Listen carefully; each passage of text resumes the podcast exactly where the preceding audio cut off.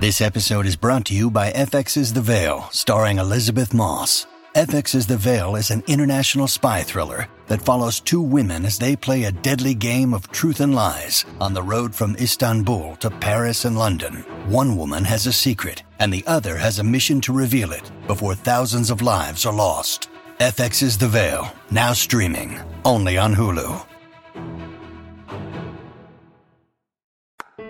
Bu podcast Türkiye'nin Dijital Gazetecilik Akademisi Newsep Turkey desteğiyle hazırlanmaktadır.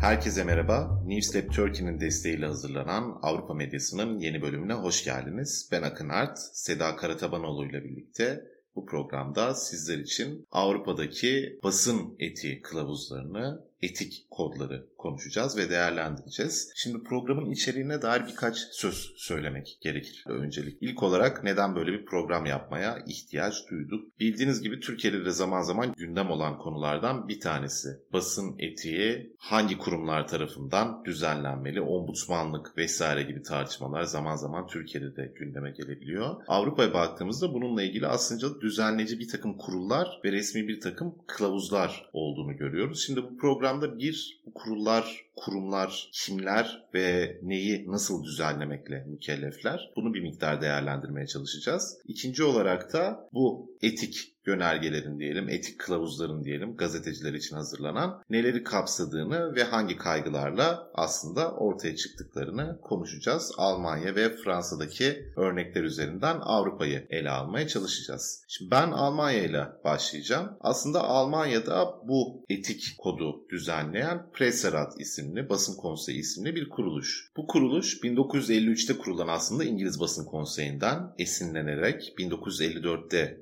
kuruluyor ve görevi Alman basınının hem itibarını korumak hem de özgürlüğünü güvence altına almak. Bu ikisi bildiğiniz gibi zaman zaman birbiriyle çelişme potansiyeline de sahip olan iki hedef.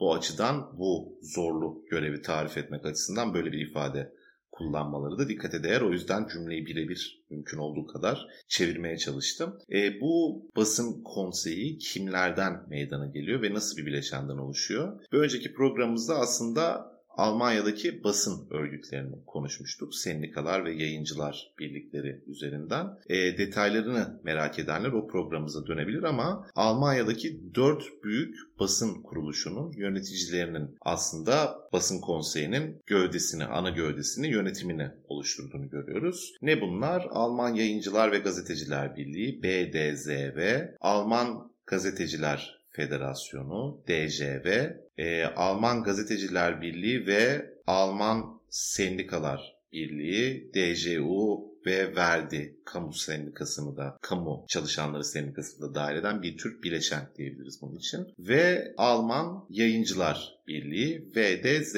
Bu dört kurumun hepsinden 7'şer üyenin aslında seçilmesiyle 28 kişilik bir kurul oluşuyor ve bu kurul aslında yönetimin ana kademesini oluşturuyor. Basın konseyi dediğimiz kurumda ve bu kurulun içerisinde de bir takım ek kurullar var ve bu kurullar aslında basın konseyine gelen şikayetleri değerlendirmekle görevliler. Nedir bu şikayetler? Siz bir şahıs olarak ya da bir kurum olarak X yayınının yaptığı bir haberin, hazırladığı bir hikayenin sizin kişilik haklarınızı zedelediğini iddia edebilirsiniz ya da bir topluluğun haklarını zedelediğini e, iddia edebilirsiniz. Ya da yapılan haberin basın etiğini başka noktalardan çiğnediğine dair bir takım iddialarınız olabilir. Bunların tamamını bahsettiğimiz basın konseyine iletebiliyorsunuz ve basın konseyi bu şikayetleri etik kod üzerinden, bunun maddeleri üzerinden değerlendirerek bir karar açıklıyor. Bu karar sonunda da bu kararın aslında bağlayıcı bir karar olmaktan çok bu etik kod, birazdan detaylarına da gireceğiz zaten, gönüllü olarak kabul edilmesi beklenen bir kod olduğu için bağlayıcı olmaktan çok tavsiye niteliği taşıdığı fakat Alman konseyi çok hegemonik bir kurum olduğu için aslında yasal olarak belki bağlayıcı olmasa da ciddi bir meşruiyet e, sahibi olduğu için aslında bir tür zorlayıcı olduğunu da görüyoruz.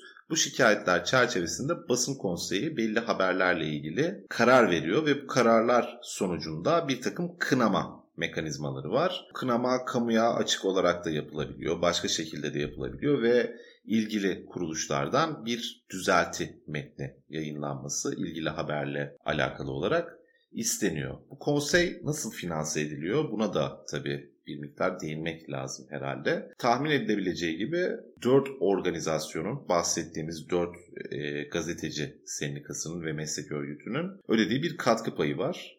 Gelirin yarısının buradan geldiğini görüyoruz. Diğer yarısı da 1976 yılından beri federal hükümet tarafından sağlanıyor. Bunun için ayrılmış özel bir bütçe var ve bu bütçe doğrultusunda özellikle bu şikayetleri değerlendiren kurullara gitmek üzere bir ödenek sağlanıyor bu kurula. Hangi basın kuruluşları veya ne tür mecralar bu kararların muhatabı oluyorlar? Özel sayfalar, kişisel sayfalar ve ücretsiz yayınlar ya da işte ne bileyim böyle fanzin vesaire gibi yayınlar e, bu şikayetlerin kapsamı dışında kalıyor. Bunun yanı sıra radyo ve televizyon da aslında bu şikayetlerin dışında kalıyor. Daha çok online ve basılı olarak yayınlanan haberler bu şikayetlerin konusu olabiliyor. 1973'te yazılmış bu etik kod ilk defa ve o günden bu yana elbette güncelleniyor. Bunlar aslında stabil kurallarda değiller. Zamanla nasıl kültür dünyamızda ve ideolojiler alanında bir takım değişiklikler oluyorsa etik kodu da ona göre bir şekilde güncellenmeye devam ediyor. Dört ana başlığa sahip bu etik kod. Bu dört ana başlığı, dört ana kaygıyı diyelim daha doğrusu şöyle açıklıyorlar. Hakikate ve insan haysiyetine sadakat birincisi. İkincisi gazetecilerin kapsamlı ve adil araştırma hakkının e, güvence altına alınması. Üçüncüsü mahremiyete ve özel hayata saygının güvence altına alınması ki bu en tartışmalı konulardan biri olabiliyor biliyorsunuz söz konusu basın etiğine geldiğinde. 4. Şiddet ve vahşetin estetize edilmesi ve veya sansasyonel bir şekilde sunulması. Bununla ilgili bir dizi madde var. Bunların bir kısmı çok evrensel şeyler. Daha doğrusu evrensel biraz abartılı olur ama Avrupa ölçeğinde büyük ölçüde ortaklaşıyor. Seda zaten bunların tarihçesini bir miktar anlatacak. Ta Münih Deklarasyonu'ndan başlayarak. O yüzden ben madde madde gitmek yerine dikkat çekici birkaç şey üzerinden gitmek taraftarıyım. Bunlardan bir tanesi örneğin yani bu da aslında Fransa'da da büyük ihtimalle böyledir ve aslında basın etiğinin emaresinin görüldüğü herhangi bir ülkede de böyle olması beklenebilir. Örneğin çocukların ve 18 yaşından küçük gençlerin geleceğinin de güvence altına alınması sebebiyle. Evet burada bir araya girmek istiyorum. Fransa'da gazeteci adaylarına genç gazeteciye dair de bir deklarasyon var. Yani bu kadar detaylı. Sizde daha detaylıymış bu yani sefer. 18 yaş altında evet 18 yaş altında işte okuyan olabilir e, ya da herhangi bir yerde yazıp çizen bir e, reşit olmasa bile onun haklarına dair de genç gazeteciye dair de bir deklarasyon var. Bahsedeceğim ben de. Burada genç gazetecilere dair değil de aslında bir takım kamusal olaylara karışmış çocuk veya 18 yaşından küçük gençlerin kimliklerinin deşifre edilmesi gibi bir takım e, etik kanunlar var. Bunun dışında zaman zaman tartışmalı olabilecek özel hayatla ilgili yani daha doğrusu tartışmalı olabilecek olmasının sebebi bunun sınırlarının zaman zaman muğlaklaşmasından dolayı bu ifadeyi özellikle kullanıyorum. Bununla ilgili bir takım düzenlemeler var. Bunları Seda da anlatırken ben de araya girerek bir takım detayları paylaşabilirim. Bunun gibi şeyler var. Fakat Almanya özelinde en dikkat çeken şeylerden bir tanesi o yüzden onun altını çizmek istedim. İntihar haberleriyle ilgili. Yani intihar haberlerinin nasıl yapılması gerektiğine dair tartışmalar zaten dünyanın her yerinde var. Avrupa'da çoğu yerinde aslında Türkiye'den biraz daha fazla kaygılı bir şekilde bu haberler yapılıyor ve bir takım detayların paylaşılmasından özel olarak kaçınılıyor diyelim. Almanya bildiğiniz gibi e, ünlü Alman yazar Goethe'nin de memleketi ve onun ünlü eseri Genç Werther'in acılarından esinlenerek üretilmiş bir kavramlaştırma vardır. Werther etkisi diye. Bu kavramlaştırma intiharın anlatılmasının, detaylarının paylaşılmasının kopya intiharlara yol açabileceği endişesiyle bu tarz hikaye anlatımlarından kaçınılması gerektiği sonucuna varan bir yaklaşım özetlemek gerekirse. Basında da bunun ciddi etkilerini görüyoruz.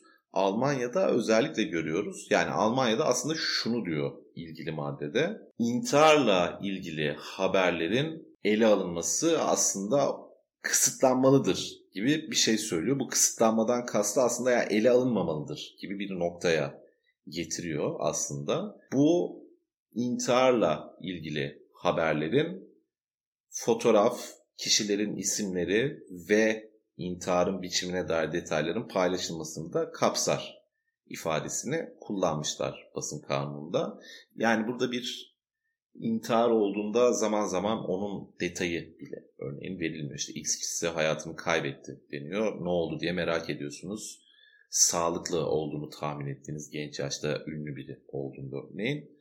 Sonradan işte fısıltılar şeklinde aslında onun intihar olduğunu anlayabiliyorsunuz. Burada yani bilmiyorum sen ne düşünüyorsun ama zaman zaman yani evet böyle bir şey var hakikaten intiharın haberleştirilmesinin böyle bir sonucu ortaya çıkarması da yani bir tür kopya intiharlar bütününü de ortaya çıkarması da mümkün. Fakat bunun yanı sıra bazen özellikle bazı politik olaylarda veya şaibeli olaylarda bir takım detaylar haber değeri taşıyabileceği için o olayın niteliğine dair yani gerçekten intihar olup olmadığına dair vesaire mesela bu ifade aslında bir miktar sert sayılabilecek bir ifade ve aslında bazen oluyor işte hani Türkiye'ye de alıp bunu kopyalı yapıştır şeklinde Türkiye'deki bir takım tartışmalar yapılırken bunu kopyalı yapıştır bir şekilde Türkiye kontekstine, Türkiye bağlamına da aktarmaya çalışan e, meslektaşlarımız olabiliyor. Zaman zaman haklı olarak bunu yapıyorlar.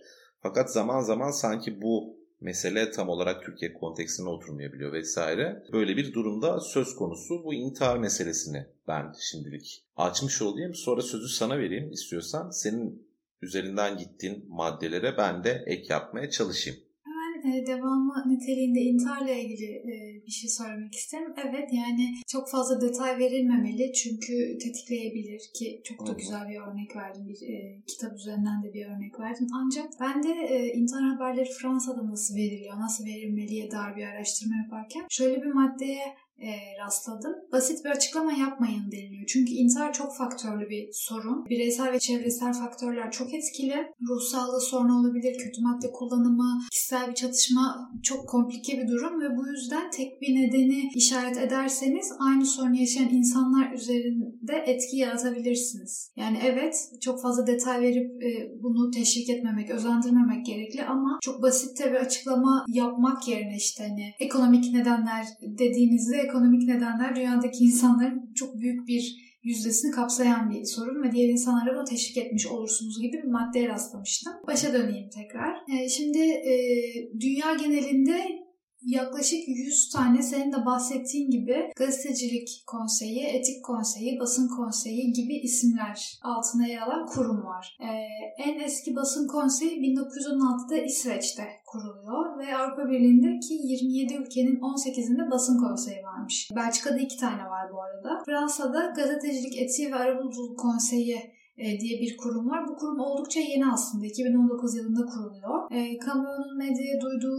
e, güvensizlik, bu güven krizine verilen tepkiye ve bilgilerin manipüle edilmesine karşı kuruluyor. Aslında burada medyanın dijitalleşmesinde çok büyük bir etkisi var bu kurumun kurulmasında. Şimdi senin de bahsettiğin gibi etik kodlar, gazetecilik etiği vesaire bunlar hepimizin uyması gereken bir standartlar bütünü. İşte gerçeklik, titizlik, doğruluk, vicdan, adalet, hesap verilebilirlik gibi tanımlar ülkeden ülkeye değişebiliyor ne yazık ki. Ancak bunları e, bir arada tutan bir metne ihtiyaç duyuluyor. E, ilk olarak yani Avrupa'da öne çıkan birazdan değineceğim Münih Bildirgesi var 1971 yılında. Avrupa Birliği'nin temelini oluşturan Avrupa Ekonomik Topluluğu'nun altı üyesi bunu hayata geçiriyor. İlk önce Fransa'da başlamak istiyorum. Aslında Fransa'da iki at üzerinden ilerliyor etik kodlar. Birincisi ülke içindeki yayınlanan ulusal metinler, diğeri Avrupa Birliği içindeki metinler, en önemlisi Münih Bildirgesi. Dediğim gibi Fransa'da birden fazla metin var ama ilk olarak 1918'de Ulusal Gazeteciler Sendikası tarafından kabul edilen bir metin var. Bu metin 1938'de revize ediliyor. En son 2011 yılında bir güncelleme yapılıyor ve bu güncellemeyle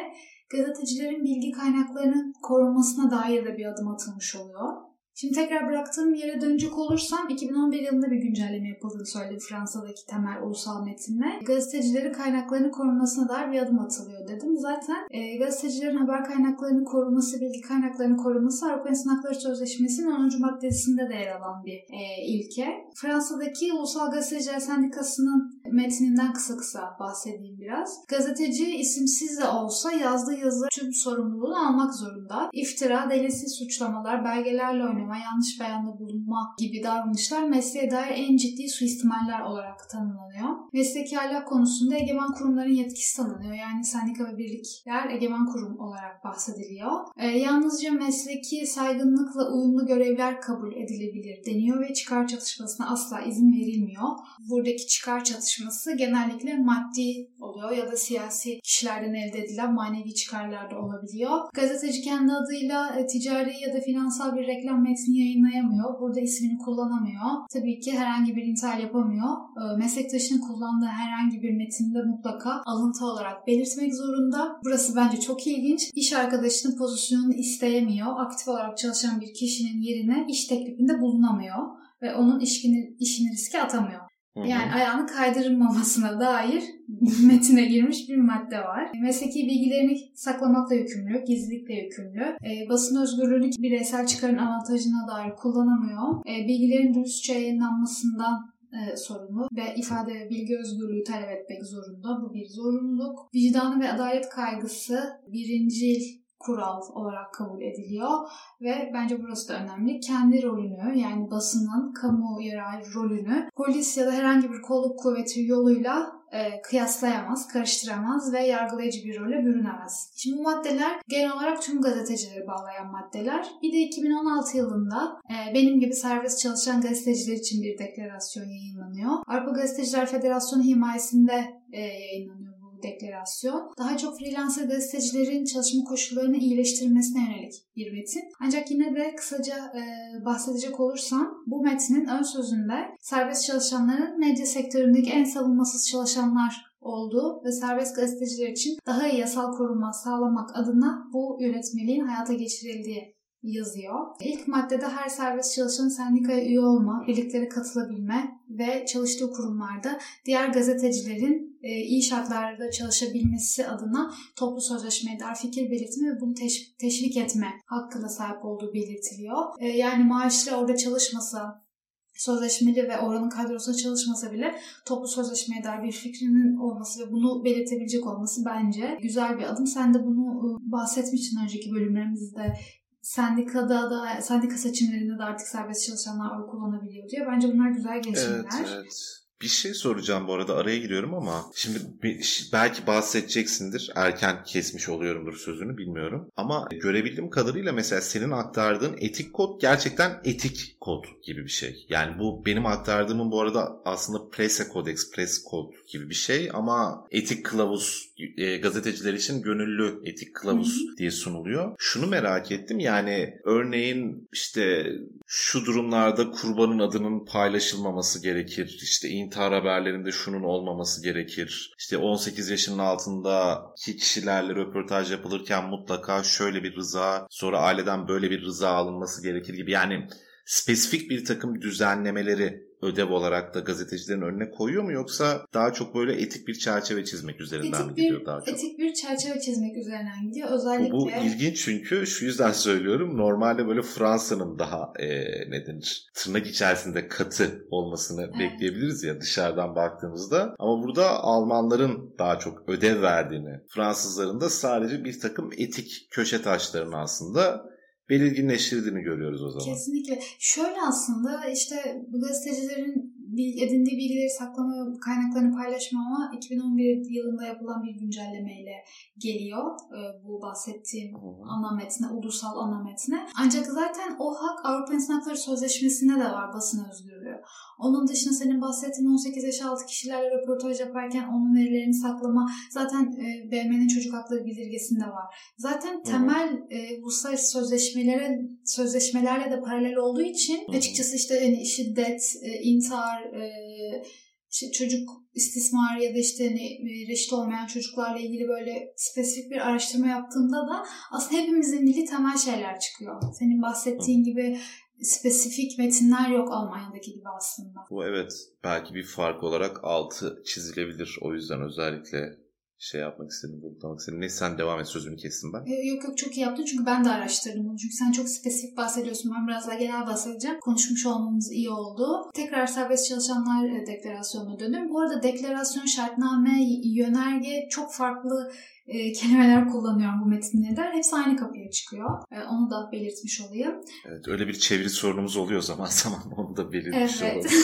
Mecburen. Şimdi her serbest çalışanın maaşlı çalışanla aynı mesleki haklara sahip olduğu belirtiliyor. Bilgi arama, kaynak araştırma, e, etik standartlara uyma ve bunlara bağlı kalma konusunda maaşlı çalışanla aynı. Yani ben bu kurumda e, nasıl diyeyim kadro değilim, beni çok bağlamaz diyemiyorlar e, iyi ki. freelance bir yazılı sözleşme hakkına sahip ve bu olmak zorunda aslında. Bu da yine freelance çalışan hakkını koruyan bir madde. Onun dışında sosyal güvenlik haklarından bir maaşlı çalışan gibi yararlanabiliyor. Hastalık tazminatı, hastalık izni, emeklilik primi, işsizlik yardımı gibi. Bence burası da yine kritik. E, serbest çalışanlar ucuz iş gücü olarak kurum tarafından kullanılmamalı, kullanılamıyor. E, maaşlı personelin konumunu zayıflatamaz diye bir madde var. Ve yine serbest çalışan tehlikeli bir göreve gönderildiğinde maaşlı çalışanla aynı eğitimi, aynı sigortaya, aynı güvenlik e, eğitimine, aynı haklara sahip olduğu belirtiliyor. Şimdi az önce de bahsetmiştim. 2002 yılında da genç gazeteciler için yani üniversitede olan henüz sektöre atılmamış ya da e, dergilerde yazıp çizen ya da e, internet sitelerinde yazan gazeteci adayları için yayınlanan bir e, deklarasyon var. Bu deklarasyona göre genç gazeteciler insan hakları evrensel beyannamesi ve uluslararası çocuk hakları sözleşmesiyle güvence altına alınan ifade özgürlüğüne sahipler. İşte bu bahsettiğin senin aslında spesifik bir nokta burada e, ortaya çıkıyor. İmzalı ya da imzasız e, tüm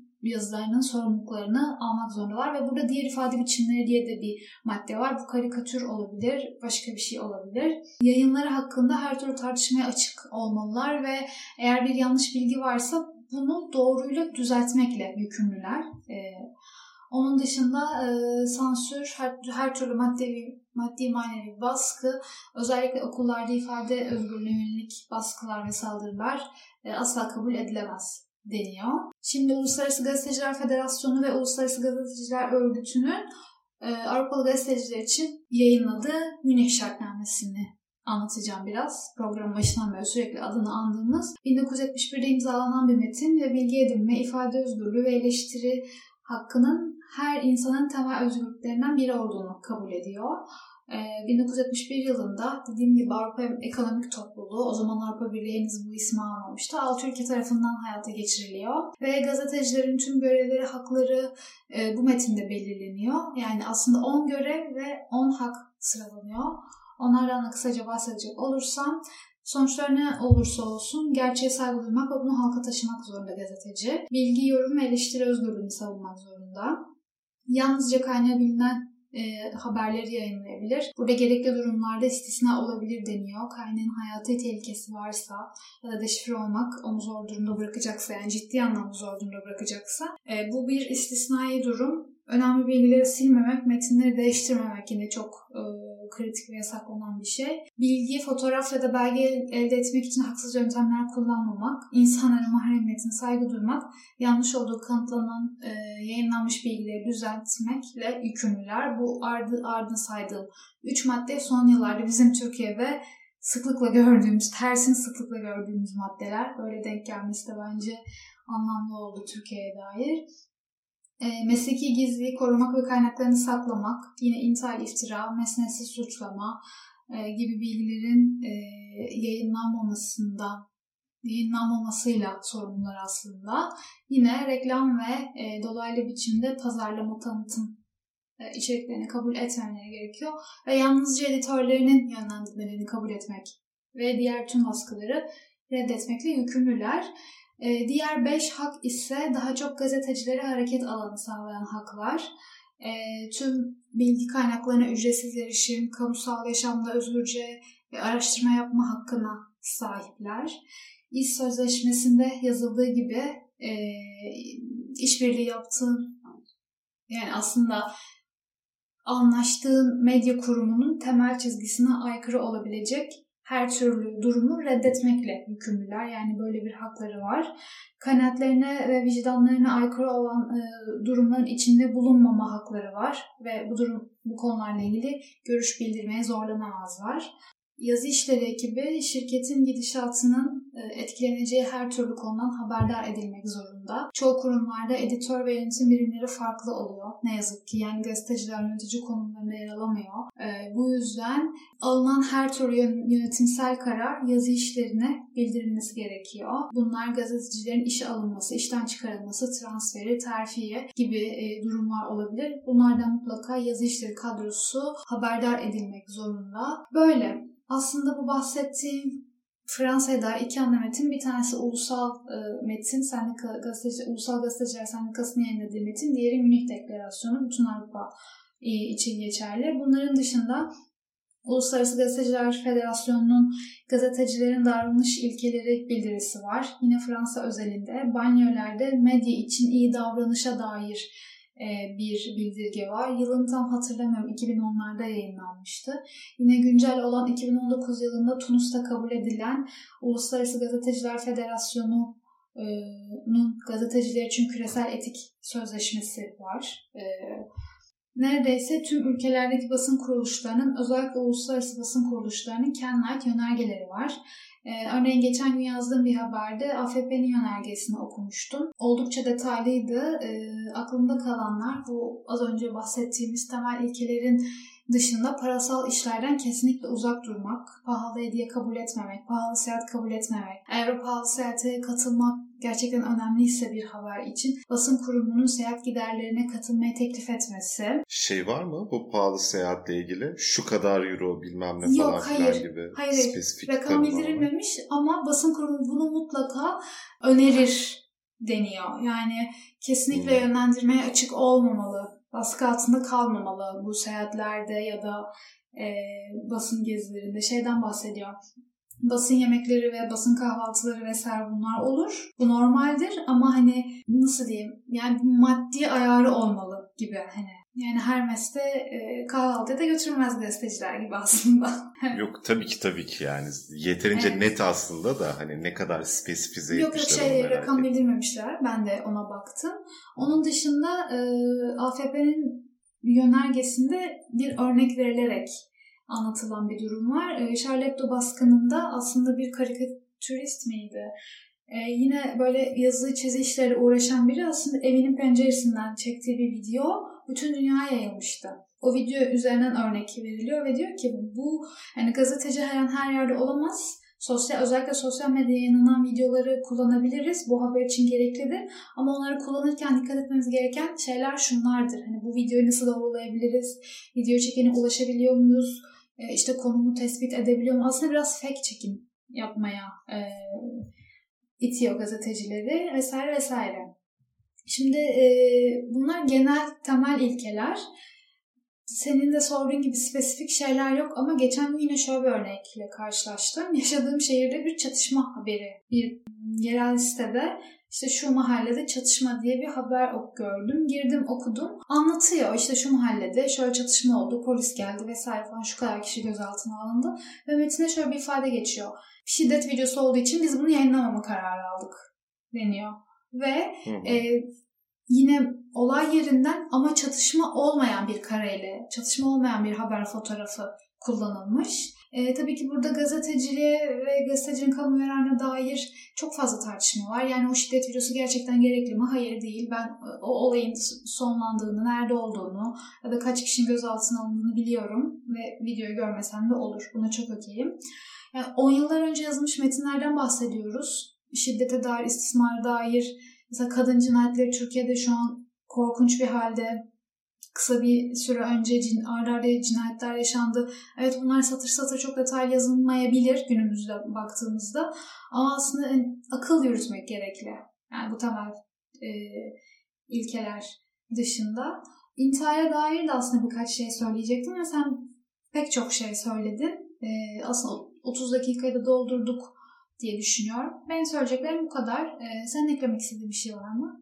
Ben bir tek şey soracağım e, son olarak. Bu bahsettiğim Almanya'daki şikayet mekanizmasına ve birilerinin uzman görüşü belirtmesi mekanizmasına benzer, mahkum etmesine benzer bir mekanizma var mı Fransa'da da? Yani basın konseyi işte X gazetesinin yaptığı şu haber basın etiğine uymamaktadır diye bir şey açıklayabiliyor mu mesela şikayet üzerine? Basın kurumlarının da bağlı bulunduğu birlikler var. İşte kamu medyası Hı. özellikle zaten hani çok e, işte bahsettiğim AFP de öyle. AFP'nin kuruluşuna dair ve e, işlemesine dair bir kanun var mesela. Hani bunlar zaten hukuki olarak da hani resmi olarak da işletebilen süreçler. Onun dışında bu 2019'da kurulan gazetecilik etiği ve arabuluculuk konseyine şikayette bulunabiliyorsunuz. Onun dışında bireysel olarak gazeteciler için sendikalara şikayette bulunabilirsiniz. Çünkü oralarda da kurumlar var ve disiplin kurulu işliyor aslında. Hı hı.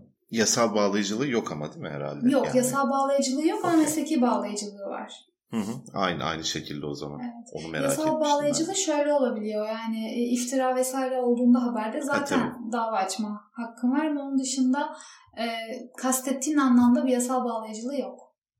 Yani o konseyin verdiği kararın anlamında sormuştum. Anladım. Yok hayır.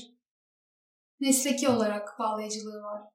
Ki o zaman yani benim eklemek istediğim açıkçası pek bir şey yok. Yani belki şeyin altını çizmek lazım senin de bahsettiğin gibi yani bir takım etik kodlar elbette olmak zorunda. Evrensel bir takım değerler var. Basının da evrensel bir takım değerleri var ve bunları takip etmek lazım. Fakat bunların her zaman istisnaları olabiliyor. Yani etik bir şeyi aşmaktan, üstünden geçmekten bahsetmiyorum.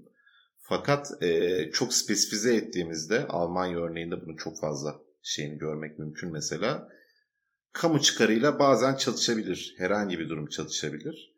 O yüzden aslında bu işlerin bir kılavuzunun olması güzel bir şey fakat bir anayasasını oluşturamıyoruz aslında. Bunun da bunu da söylemiş olayım son olarak. Kapatmadan şöyle bir örnek verebilirim. Ee, benim işte uluslararası çalıştığım bir ajansta bazen bir kelimeyi kullanırken bile onun üzerine yarım saat kafa patlattığımız oluyordu. Çünkü o kelimenin henüz bizim bilmediğimiz bir anlamı olabilir, başka bir anlama çıkabilir ya da bir topluluğu ya da bir grubu hedef alabilir. Yani buna dair aslında güncel tartışmaları takip ediyor olmak bu temel ilkelerin dışında da mesleki anlamda gerekli diye düşünüyorum. Belki birkaç cümle Türkiye'den bahsetmek gerekir. E, basın konseyinin maddeleri var. Gazeteciler Cemiyeti'nin numaralar maddeleri var ve Gazeteciler Cemiyeti disiplin kurullarını bildiğim kadarıyla işletiyor. Yine mesleki bağlayıcılığı var. Herhangi bir hukuki bağlayıcılığı yok. E, Türkiye dair de böyle aslında durum. Yani Evet. Ya şu belki Türkiye'ye dair dikkat çekici. Almanya özelinde kesinlikle söyleyebilirim buradaki kararların ciddi bir etkisini olduğu basın üzerinde ve bu yasaların bu sebeple hegemonik hale geldiğini. Fransa'da da benzer bir durum söz konusu. Türkiye'de herhalde benzer bir durumdan elbette bu yönde çabalar olsa da bahsetmek mümkün değil. Yani Türkiye'nin etik kılavuzu basın konusunda budur diyebileceğimiz ve genel kabul gören çiğnendiği takdirde senin yaptığın şu yüzden yanlış diyebileceğimiz bir metin varsa bile hegemonik hale gelmemiş durumda. Dolayısıyla böyle bir şeyden rahatlıkla bahsedemiyoruz Türkiye'de görebildiğim yani, kadarıyla. Bence Türkiye'de basın meslek kurumlarının işlemi olmasının büyük sebebi medyanın sahiplik evet, durumu. Evet. Çünkü yani işte Muharrem Sarıkaya diye bir isim bir gazeteci bayağı ittirdi biliyoruz mikrofonu kontrol ederken. İşte TGC inceliyoruz dedi. TGC üyesiymiş kınıyoruz dedi. Disiplin vesaire falan filan bunlar işledi. Belki bir ay sonra bir buçuk ay sonra biz tekrar ekranlarda gördük o isim mesela tamamıyla medyanın sahiplik durumuyla ilgili de biraz. Evet, evet. Medyanın sahiplik durumu bununla bağlantılı olarak da basın kurumlarının aslında ne kadar kuvvetli olabildiği, ne kadar kendilerine alan bulabildiği ile alakalı. Çünkü bu kodların, bu kılavuzların arkasında ancak kurumlar durabildiğinde ve bunu ısrarla tekrarladığında aslında bu kılavuzlar, bu etik kodlar geçerli olabiliyor diyeyim. Benim ekleyeceğim başka bir şey yok. Senin var mıdır? Benim de yok. Bir sonraki programda görüşmek üzere. Program öneriniz, talebiniz, isteğiniz olursa bize dünyapodcast.gmail.com'dan ve sosyal medyada Dünya Podcast olarak ulaşabilirsiniz. Hoşçakalın. Hoşçakalın.